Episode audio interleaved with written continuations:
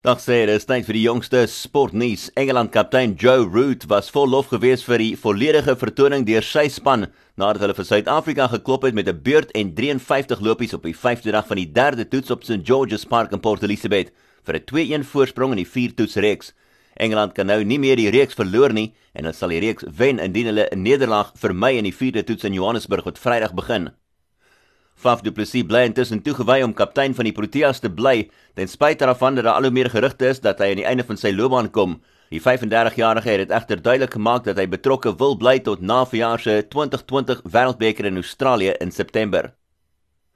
En tennisnuus, verdedigende kampioen Novak Djokovic het sy eerste stel verloor in die eerste ronde van die Australiese Ope sedert 2006 voordat hy gewen het teen Jan-Lennard Struff om sy veldtog aan die lewe te hou vir 'n rekord 8ste titel in Melbourne.